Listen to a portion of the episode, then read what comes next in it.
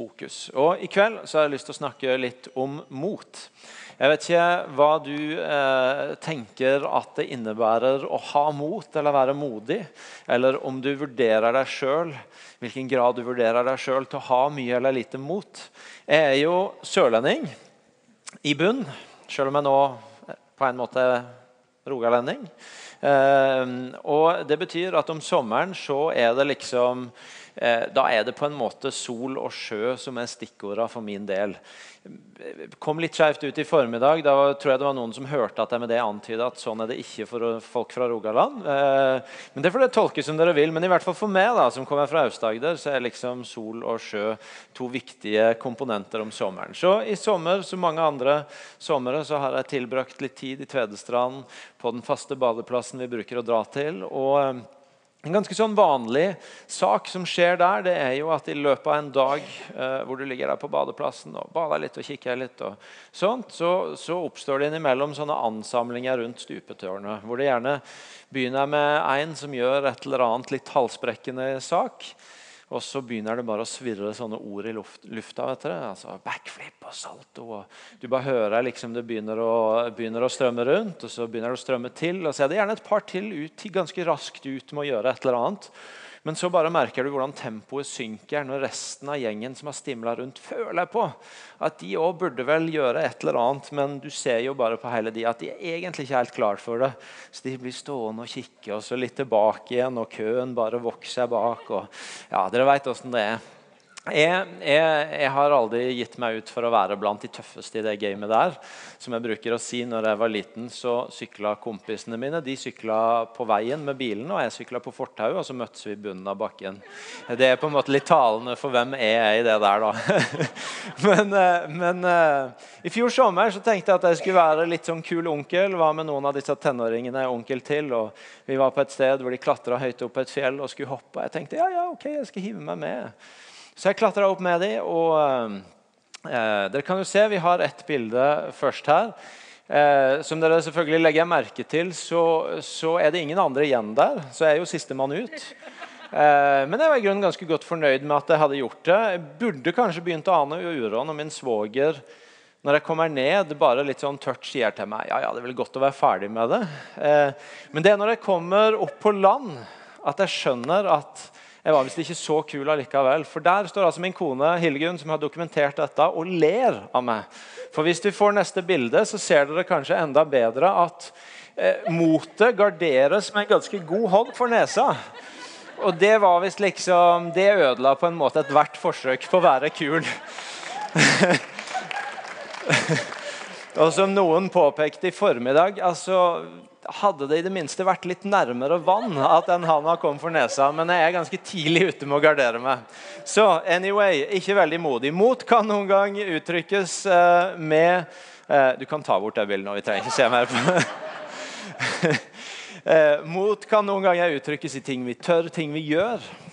denne uka så satt jeg med en person som fortalte om noe utrolig smertefullt som foregikk i vedkommendes familie.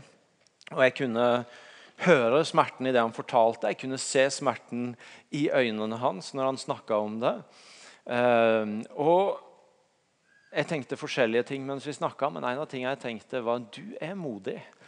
Som sitter her så tydelig og forteller om noe så sårbart på en så på en måte tydelig og oppreist måte, og samtidig så sårbart og med smerten så utapå.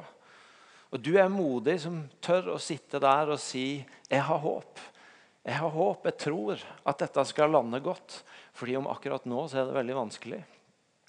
Det å være, ha mot, det å vise mot, det kan noen ganger være å gjøre ting, men det kan andre ganger være noe helt annet. Kanskje bare å våge ærlighet. Eller våge å holde fast på et håp når noe ikke ser så lyst ut. Denne høsten skal vi bruke de månedene som ligger foran oss, på å ta tak i noen av bøkene i Det gamle testamentet. Vi kan ofte være innom steder fra Det gamle testamentet når vi preiker, men i hvert fall her i menigheten så er det ganske lenge siden vi har sagt nå tar vi tak i noen av bøkene i den delen av Bibelen, og så bruker jeg litt tid på å forkynne gjennom dem. Og Vi har lyst til å ta tak i noen av de trosheltene som vi finner i Det gamle testamentet, deres reise med Gud, og se hvordan det kan fortelle oss noe om vårt liv og vårt liv med Gud i den tida vi lever i. Jeg merker jeg gleder meg til det. Har begynt å lese det, og det er så mye jeg begynt å lese det, Det høres ut som jeg ikke har åpna Det gamle testamentet før. Det vil jeg demontere med en gang. Men, eh, men jeg har begynt å på en måte forberede meg og kjenner at jeg begeistres over de tinga som, som ligger der. Vi skal begynne i Josva. Og eh, Dere fikk på veien i dag jeg har bare lyst til å holde opp det og minne om, en, en helt enkel bibelleseplan Eh, for de ukene som ligger foran, hvor vi skal bruke tid på Josua før vi går videre til eh, andre bøker i Det gamle testamentet. Ikke la disse ukene bare være å møte opp på søndag og høre noen preike om Josva. Men la det være noen uker hvor du også åpner Bibelen din og leser om Josva og blir kjent med han og den historien på din egen måte. Her er det ca. et kapittel om dagen som du kan bruke. Og så er Det sånn i, i, Det gamle testamentet at der er det litt sånn om hverandre med en kjempespennende historie i det ene øyeblikket, og så i neste øyeblikk så kommer det en lang oppramsing av navn og steder. Og eh, Det er jo utrolig viktig for oss at ikke dere skulle komme til å tenke at vi er en sånn kirke som bare plukker det som er gøy og underholdende. Så Derfor så har vi tatt med alt. Men jeg vil oppmuntre deg til å lese det, enten det nå er den spennende historien, eller det som i første omgang du må tenke ah, hva er det her for noe? Men for å få tak i hele fortellinga, og på den måten la Josva både inspirere deg og la Jesus tale til deg gjennom den historien. Eh, når jeg har lest om Josva gjennom sommeren og inn mot denne serien, så er det første ordet som har slått meg ved han, det er nettopp mot.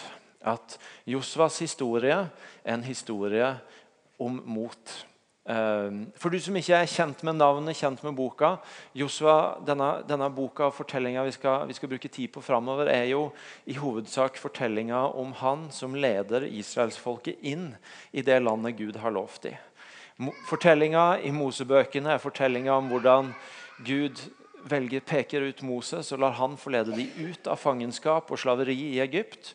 Og så er Josva fortellinga om hvordan dette fullføres ved at en annen leder, Josva, får lede folk inn i landet som de er lovt. Og Vi skal begynne i kapittel 1 og, og lese de første versene der, hvor det står om når Josva får det oppdraget Gud gir han med å lede folket. Det står Da Moses, Herrens tjener, var død, sa Herren til hans medhjelper Josva, Nuns sønn. Min tjener Moses er død. Gjør deg nå klar til å gå over Jordan, du og hele dette folket, inn i det landet som jeg vil gi til de, til israelittene. Hvert sted dere setter foten på, gir jeg dere, slik som jeg lova Moses. Området deres skal strekke seg fra ørkenen og Libanon til den store elven Eufrat, hele Hetittlandet, og helt ut til storhavet, der sola går ned. Josua får et svært oppdrag. Han skal føre folket inn i landet eh, Gud har lova, lova folket. Og menneskelig talt så er det flere grunner til å tenke og se for seg at Josef trengte mot for den oppgaven han tok på seg. Eh, for det første så hopper han etter Moses. Eh, for de som trodde at det der eh, med å liksom følge etter noen ble vanskelig når du skulle begynne å hoppe etter Wirkola, så begynte det mye før. Og i hvert fall for Josves. Josves, ja. Eh, Josva, som kommer etter Moses. En, en, en så monumental leder i israelsfolkets historie. Mannen som har leda dem ut av flere hundre år med slaveri i Egypt. Mannen som har gått opp på fjellet og, og, og hørt Gud og kommet tilbake og gitt dem både loven og, eh, og, budskap om det Gud vil si til folket. Mannen som hadde djervhet nok til å si til Gud Gud, kan jeg få se deg ansikt til ansikt? Og som eh, får til svar at ingen kan se meg ansikt til ansikt, men hvis du stiller deg opp, så skal, jeg, skal, du få se meg når jeg går forbi bakfra.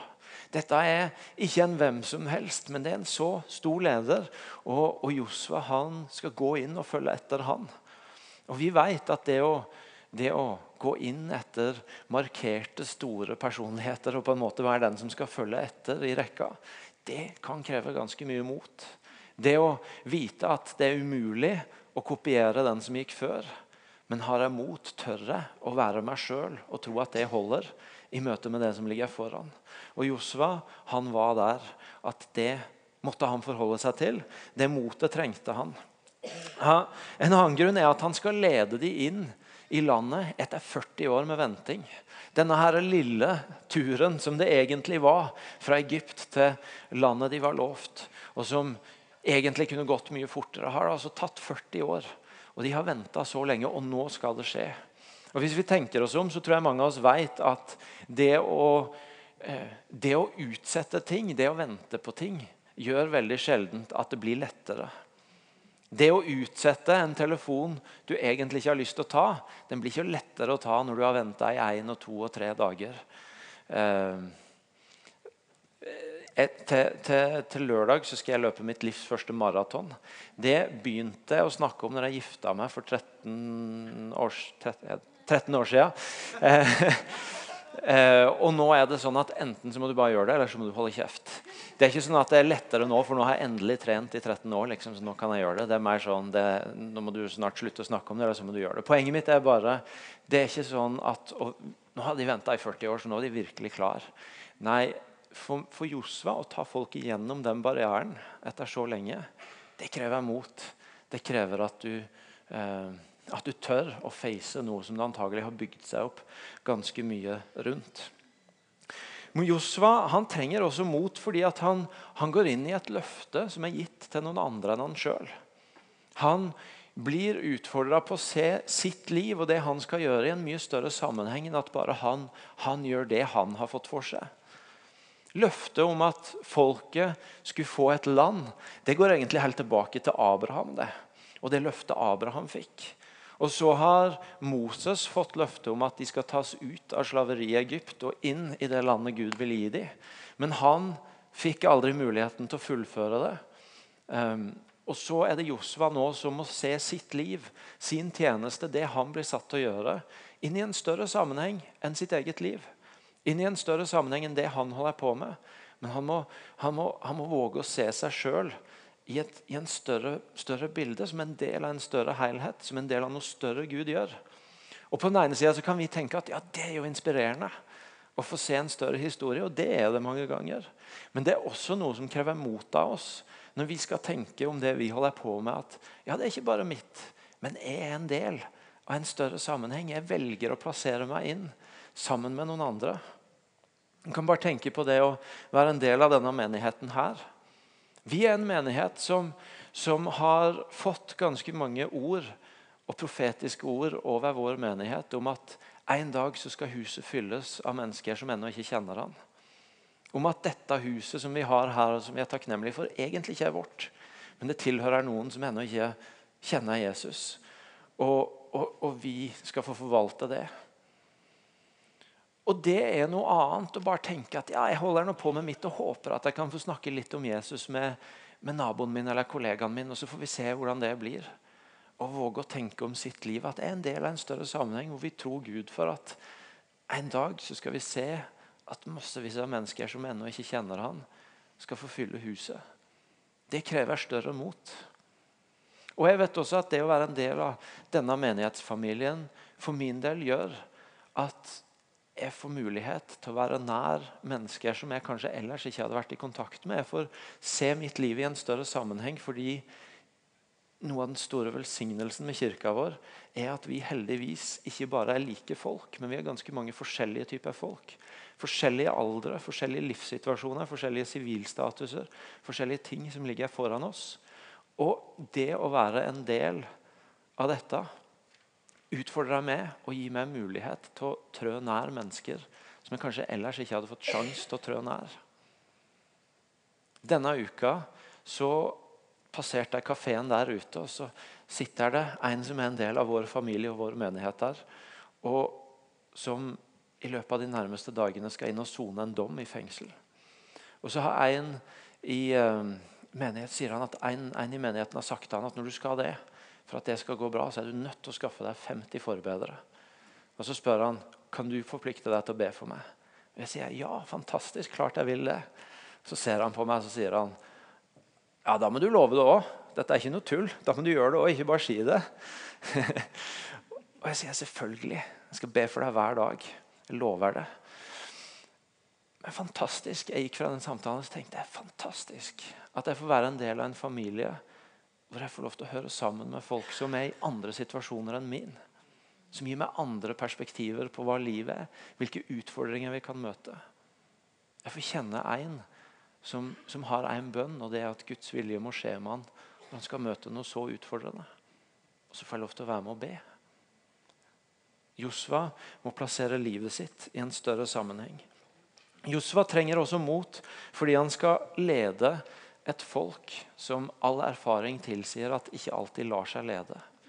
Han skal lede et folk som, som, som gjør det så tydelig at han plasserer seg sjøl i en situasjon hvor han har ikke kontrollen.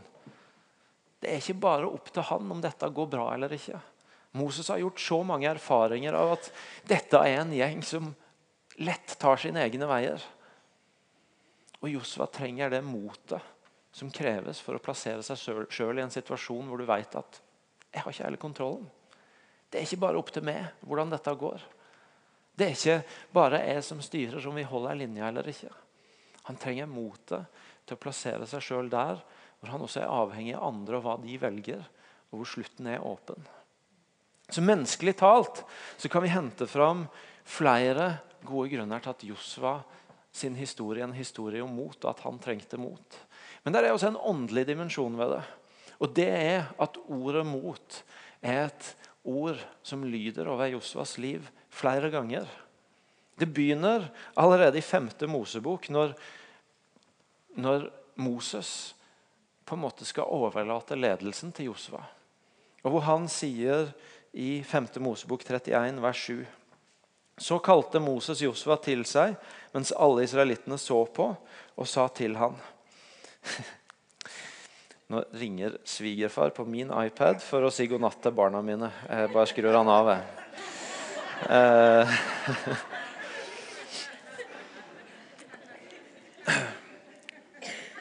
5. Mosebok 31, vers 7. Så kalte Moses Josva til seg mens alle israelittene så på, og sa til han, Vær modig og sterk, for du skal føre folket inn i det landet som Herren med ed lovet deres fedre. Vær modig og sterk er ordet som lyder fra Moses til Josua.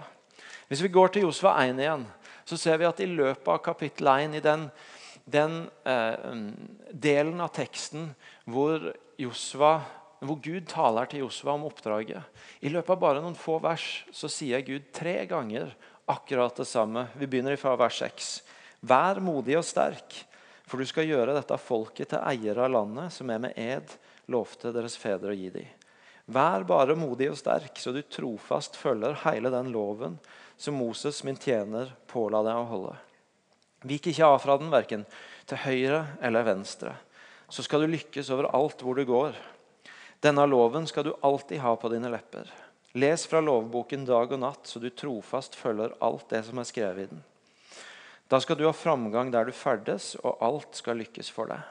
Jeg har jo sagt deg, vær modig og sterk, la deg ikke skremme, og mist ikke motet, for Herren din Gud er med deg overalt hvor du går. Tre ganger gjentar Gud orda over Josva sitt liv. Vær du bare modig og sterk. Vær modig og sterk, vær modig og sterk. Det er viktig for Gud å få gitt disse ordene og mot til Josva. Og ikke nok med det, men det folket han skal lede, når Josva har talt til de og sagt hva de nå skal gjøre, så er til og med tilbakemeldinga han får fra de, i vers 18, så sier folket til han, Vær den som trosser deg, og ikke hører på det du sier, hva du enn befaler han, han skal dø. Vær bare modig og sterk. Josua får høre det fra Moses, fra Gud, fra folket han leder. Du må være modig, Josua.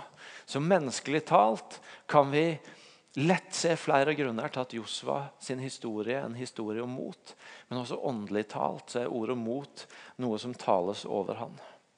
Og Så er det jo interessant for oss å spørre ok, så Josva trengte mot, og det er en historie om mot. Men hvordan kommer dette motet til uttrykk i Josva sitt liv? Hvordan, hvordan vises det at han går løs på det han skal gjøre med mot? Interessant å lese det første Josva gjør etter at Gud er ferdig med å gi han oppdraget og gi han orda som følger med, og som vi nettopp har lest litt av. står i kapittel 1, vers 10. Josva ga da folkets tilsynsmenn denne befalinga. Gå gjennom leiren og si til folket, gjør i stand forsyninger til reisen, for om tre dager skal dere gå over Jordan og innta det landet Herren deres Gud gir dere i eie. Det første Josva gjør når han har hørt Gud tale og gi oppdraget, det å gå til folket og si nå skal vi gjøre det. Det å bare umiddelbart handle på det Gud har talt han om. Og jeg syns det er interessant at mot i Josva sitt liv uttrykkes ikke ved at han får et voldsomt fokus på at nå må han være modig. Det står ingenting om at han gikk og tenkte på at ah, nå sier alle jeg må være modig. Nå må jeg virkelig være modig. Eh, og nå må jeg finne på noe modig, og nå må jeg gjøre et eller annet modig, og nå må jeg be om mot. Nei, Mot i Josva sitt liv uttrykkes ikke så mye ved et fokus på mot, men ved et fokus på å gjøre det Gud har gitt han å gjøre. Motet uttrykkes ved at Josva umiddelbart går og handler på det Gud har lagt, i hendene, lagt i hendene på han og gitt han som et oppdrag. Og Det tror jeg skal få være en påminner for meg og du også om de tingene som krever mot i våre liv. Vi er helt overbeviste om at alle av oss i ulike situasjoner trenger mot. Hvis vi skal gå med det Gud har gitt oss å gjøre, hvis vi skal stå for det vi ønsker å stå for, hvis vi skal leve det livet vi er satt til å leve, så, så kreves det mot. Men det er ikke sånn at mot for meg og du først og fremst handler om at nå må vi bestemme oss for å være modige. Nå skal vi være litt sånn radikale kristne som skal finne på et eller annet sprøtt. Og, og jeg så de gjorde noe, noe, helt crazy greier over der, så nå må jeg finne på et eller annet minst like vilt over her. Mot i mitt og ditt liv det handler mye mer om å tørre å gå på det Gud gir oss. Å gå på det han legger foran oss, og handle på det. Fokuset er ikke mot. Fokuset det Gud leder oss til, det han legger foran oss, det vi får gå inn i. Og så uttrykkes motet ved at vi tør å gå i det, eller bli stående i det, eller handle på det. Mot uttrykt gjennom å respondere på det Gud leder oss til. Og så syns jeg det er fascinerende i kapittel 3, vers 7, når Josva faktisk skal lede folket over Jordan og inn i landet, så sier Gud til Mosva Nå sa jeg Mosva. Helt utrolig. For, for, de som, for, de som, tror at det bare var et lite, utfall, nei, et lite innfall, så kan jeg jo nevne at jeg i formiddag hadde æren av å døpe en gutt som het Isak Juliot, og jeg holdt på å kalle han for Jusak. Eh, så det har vært verre før i dag. Det har vært verre før i dag. Herren sa til Josva fra i dag av vil jeg gjøre dere stor i hele Israels øyne så de forstår at jeg er med deg slik jeg var med Moses. Fra i dag av vil jeg gjøre deg stor. Jeg synes Det er så viktig for oss å få med oss at jo da, Josva får ganske tydelige ord om at du må være modig. Du må trå ut i dette i tro. Og Han gjør det ved å handle i tro på det Gud har gitt ham. Men det er faktisk ikke hans oppdrag å sørge for at det lykkes, og sørge for fruktene. Og sørge for at folk skal se wow, se hva han gjorde. Men Guds ord til han er at når han går i tro og handler, viser mot ved å handle på det Gud gir han, så er Guds budskap da skal jeg løfte deg opp. Da skal jeg vise folket at jeg er trofast i dette. Og Det gjelder for mitt og ditt liv også. det. At det er ikke vårt ansvar når vi blir leda til noe, om å gå for noe, og det krever mot av oss, så er det vårt ansvar å trø ut og velge å handle på det. Men det er faktisk ikke vårt ansvar om det lykkes. Det er ikke vårt ansvar at det blir frukter av det. Det er ikke vårt ansvar at hele verden skal stå og applaudere for det og sørge for det. Herren sa til Josva i dag skal jeg gjøre deg stor. Josva handler, og så er det Gud som gir frukt, som sørger for at det lykkes, som løfter han opp. Mot forstått som det å gå der Gud leder. Og så er det En annen viktig ting ved Josva og mot, og det er at vi ser at mot det kan være forskjellige ting i forskjellige situasjoner. Fordi vi leste for et øyeblikk siden at Josva fikk beskjed om å gjøre seg klar til å gå inn i et nytt land, til å bevege seg, til å trå inn på et område som folk ikke hadde vært på før. Men så leser vi også Noen vers seinere, og vi leste det i stad, i forbindelse med orda fra Gud om å være modig og sterk, at han også sier Vær bare modig og sterk, så du trofast følger hele den loven som Moses, min tjener, påla deg å holde.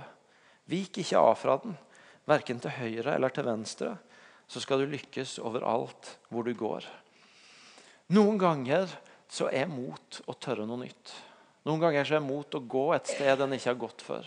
Noen ganger så er det å, å ha mot til å gå på det Gud gir oss, det er å å innta nytt land om du vil være i det språket. Men andre ganger så er mot faktisk å bli stående. Akkurat som Josva får beskjed om her. Vær trofast, bli stående, hold fast på det jeg har sagt og talt til dere om og leda dere til. Noen ganger er noe av det modigste du kan gjøre, det er å tørre å bli stående. Når andre mener at nei, nei, nei, det der gjelder ikke lenger. Eller det der er ikke verdt å holde på med lenger. Eller det, det har vist seg å feile. Noen ganger er det noe av det modigste du kan gjøre, det er å holde fast på en sannhet om hvem Gud er, eller hva han sier, når omstendighetene rundt forteller om helt andre ting. Mot handler noen ganger om å gå, og noen ganger om å stå. Og I mitt og ditt liv så tror jeg vi utfordres på begge deler.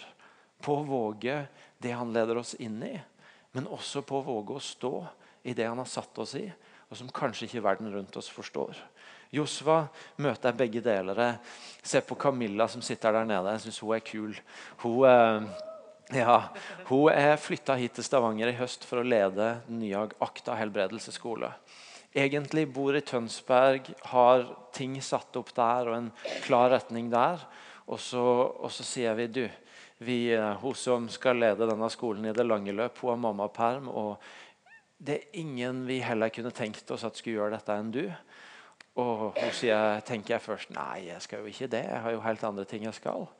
Og så kjenner hun at det er noe ved det, og så våger hun allikevel å gå inn i den prosessen. Og så ender det med at jo, jeg kommer. Og så har hun faktisk brutt opp fra det hun hadde, og flytta hit. Og står her nå som leder for en skole som det har vært meint ganske mye forskjellig og rart om i sommer.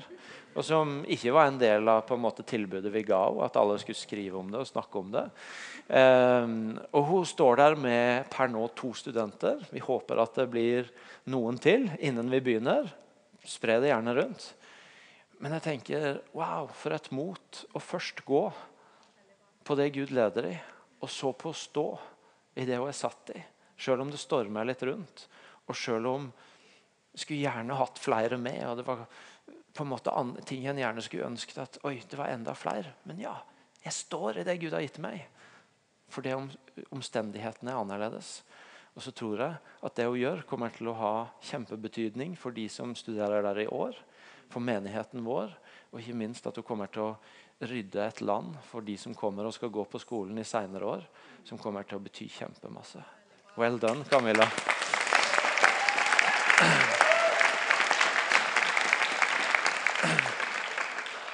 Mot enn noen ganger å gå, noen ganger å bli. Og så er det viktig for oss å få tak i at Josva han får disse ordene om mot over livet sitt, men han får også noe annet med seg på veien. Han får nemlig ikke bare disse her Du kan kalle det oppmuntring og du kan kalle det formaning, men disse ordene 'vær modig og sterk'. Men han får faktisk også et løfte med seg på veien som følger han gjennom det han skal gå i. Det han velger å være tro mot, og gjennom det vise mot. Vi leser allerede hos Moses i 5. Eh, Mosebok 31, der vi var i stad. Så står det i vers 8.: Herren selv skal gå foran deg. Han skal være med deg. Han svikter deg ikke, forlater deg ikke. Vær ikke redd, og mist ikke motet. Og så gjentar Gud det samme løftet for han i Josva 1, vers 5. Så lenge du lever, skal ingen kunne holde stand mot deg. Jeg vil være med deg slik jeg var med Moses. Jeg svikter deg ikke, og jeg forlater deg ikke. Det er ikke bare å være modig og sterk, som lyder flere ganger over Josva sitt liv. Men det er også dette løftet. Jeg svikter deg ikke, jeg forlater deg ikke. Og når Josva skal gå, så går han ikke bare på en oppmuntring til å være modig, men han går med et løfte fra Gud om at 'jeg skal være med deg'. Jeg svikter deg ikke, og jeg forlater deg ikke. Og Det tror jeg er så viktig for oss å få tak i i møte med situasjoner hvor vi merker at her kreves det mot av meg. Her utfordres jeg på enten å våge å gå eller å stå. At Gud gir ikke bare kallet eller ledelsen eller tilskyndelsen til noe, men han gir også løfte om hvem han er inne i det. Denne boka er full av løfter om hvem han er. Om at han er trofast, om at han er far, om at han er den som forsørger oss, om at han er den som er den samme som han var i går og skal være i morgen. Om at han eh, går med oss i dødsskyggens dal, om at han dekker bord foran fiendene våre. Les Salmenes bok, les, les orda til Jesus, les det Paulus skriver om i brevene. Det er et hav av løfter om hvem han er. Og jeg tror at noe av det vi kan be om, det er at ok, hvis du kaller meg til å gå eller stå inn i dette, kjære Jesus, gi meg også et løfte og ta med meg inn i det. Min, vis meg et ord eller to eller tre fra denne boka som skal få være bønnen jeg holder fast på, ordet jeg minner meg sjøl om når det, når det, utfordrer meg, og som er løftet som følger med ledelsen. Jeg tror at på samme måte som Josvas mot blir fulgt av et løfte, så kan det få være virkeligheten i vårt liv at de situasjonene vi blir leda inn i, blir fulgt av et løfte fra Guds ord som han taler til oss om, og som skal være oppmuntringa og tryggheten og det vi holder fast i når det røyner på, eller når vi ikke helt vet om vi er klar for det. Så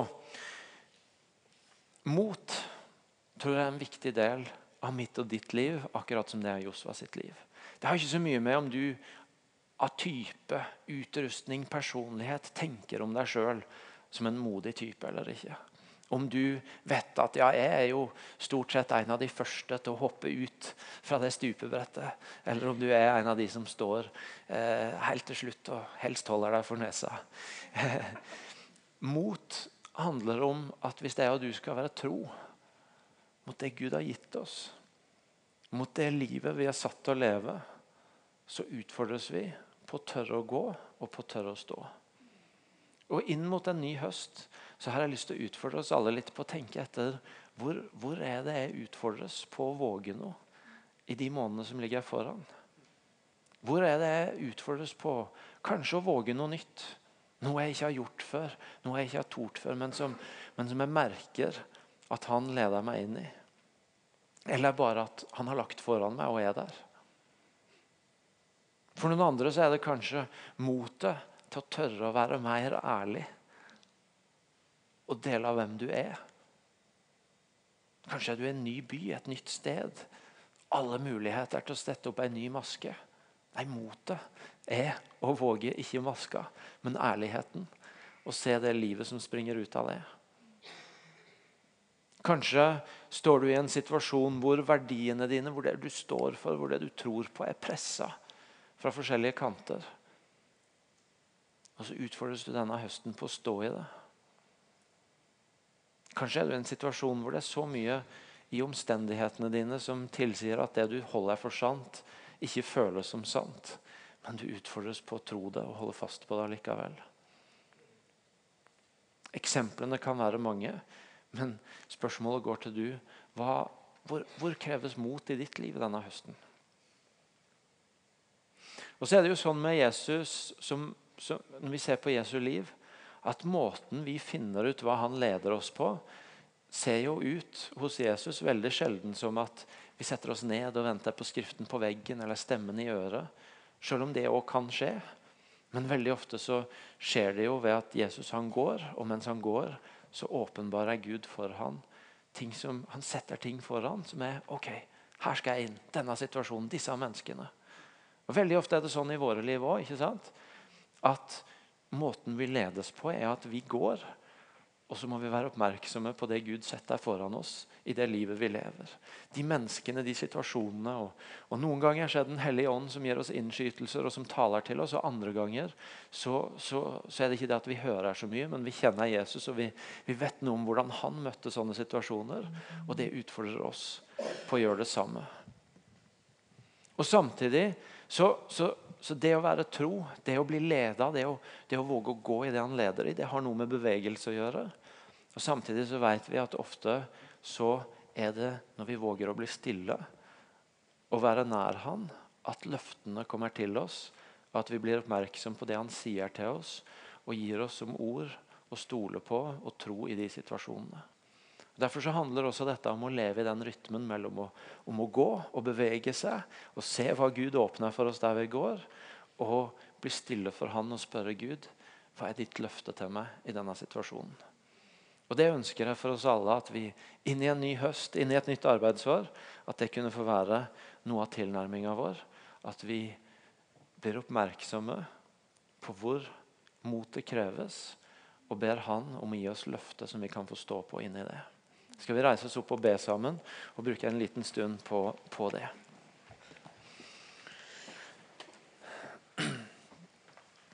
Jesus, tusen takk. Tusen takk for at eh, gjennom ditt ord og gjennom historien om Josva så, så minnes vi om at mot i ditt rike veldig mye handler om å, om å gå på det du leder oss til. Og være tro mot det du har gitt oss. Jeg ber deg for alle oss som er her inne i møte med en ny høst, at du nå i denne stunden og i tida når vi nå skal synge lovsanger til deg og, og være sammen med deg en stund til, at du bare taler til oss og minner oss om situasjoner hvor du kaller oss til enten gå eller stå. Og så ber jeg deg samtidig at ettersom vi blir oppmerksomme på, på noen av de situasjonene, at du også minner oss om løfter fra ditt ord. Løfter som, som er konkrete løfter vi kan gripe fatt i for det du har lagt foran oss. Og som vi kan be, og som vi kan tro, og som vi kan holde oppe i møte med det som ligger foran oss. Jeg inviterer Deg, Hellige Ånd til, til, å være her og til å tale til den enkelte av oss.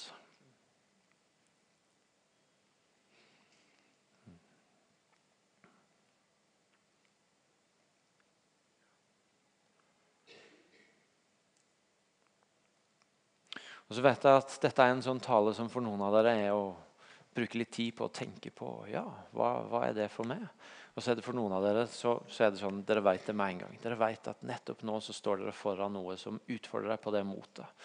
Og Hvis det gjelder du, så har jeg bare lyst til å be deg om å rekke hånd i været. Og så har jeg lyst til å be litt ekstra for du akkurat nå. Du som vet at det der er et mot som ut, du utfordres på et mot i møte med det som ligger foran. Ja. Hmm. Så er det mange hender. Jeg har lyst til å be for dere. Ja. Far du ser brødre og søstre som, som bare tydeliggjør at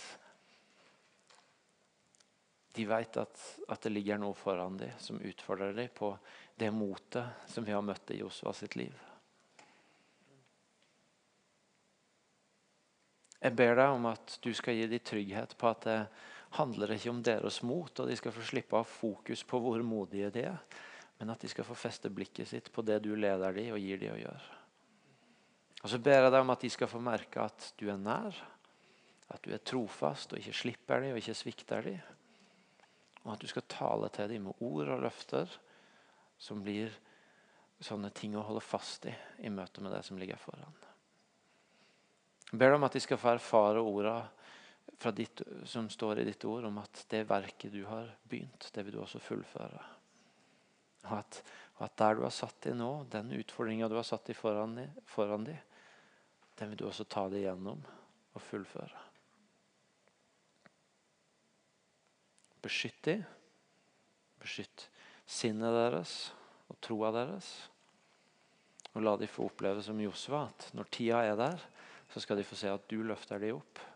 Og lar de få se frukten av det de sto i, og gleden over det som spirer ut av det.